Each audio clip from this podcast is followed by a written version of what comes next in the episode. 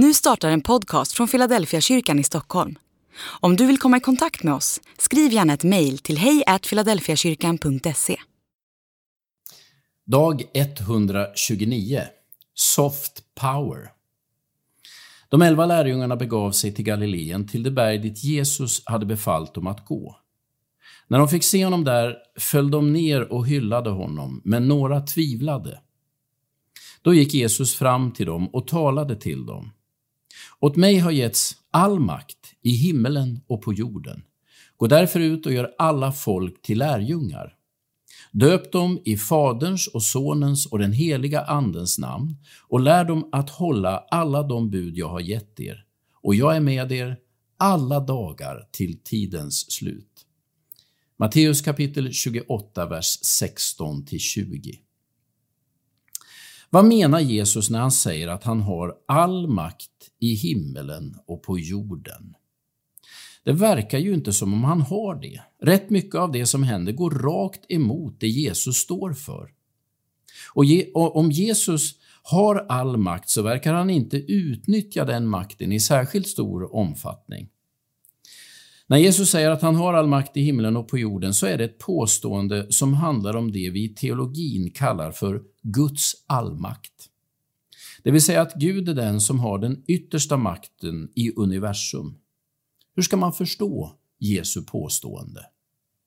Även om Jesus har all makt i himlen och på jorden så utnyttjar han inte sina maktbefogenheter. Istället beskriver Bibeln en lockande, vädjande, lirkande och förhandlande Jesus. En av de mest gripande bilderna finns i Uppenbarelseboken.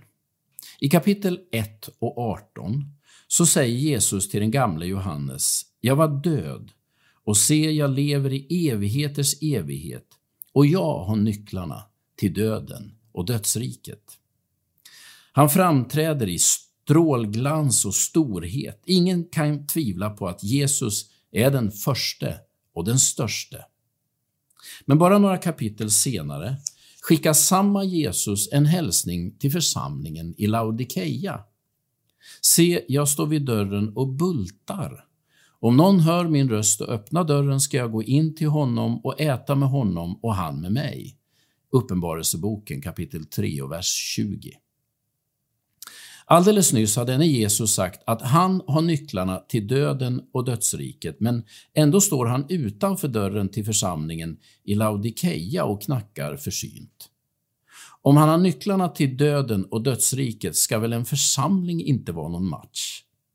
Men istället för att använda nycklarna och makten så väljer Jesus att knacka på och vänta på vårt gensvar. Det är den allmakten vi tror på. Den förhandlande, vädjande och lirkande allmakten. Den allmakt som söker samförstånd och vill vinna hjärtan, inte genomtrumfa sin rätt.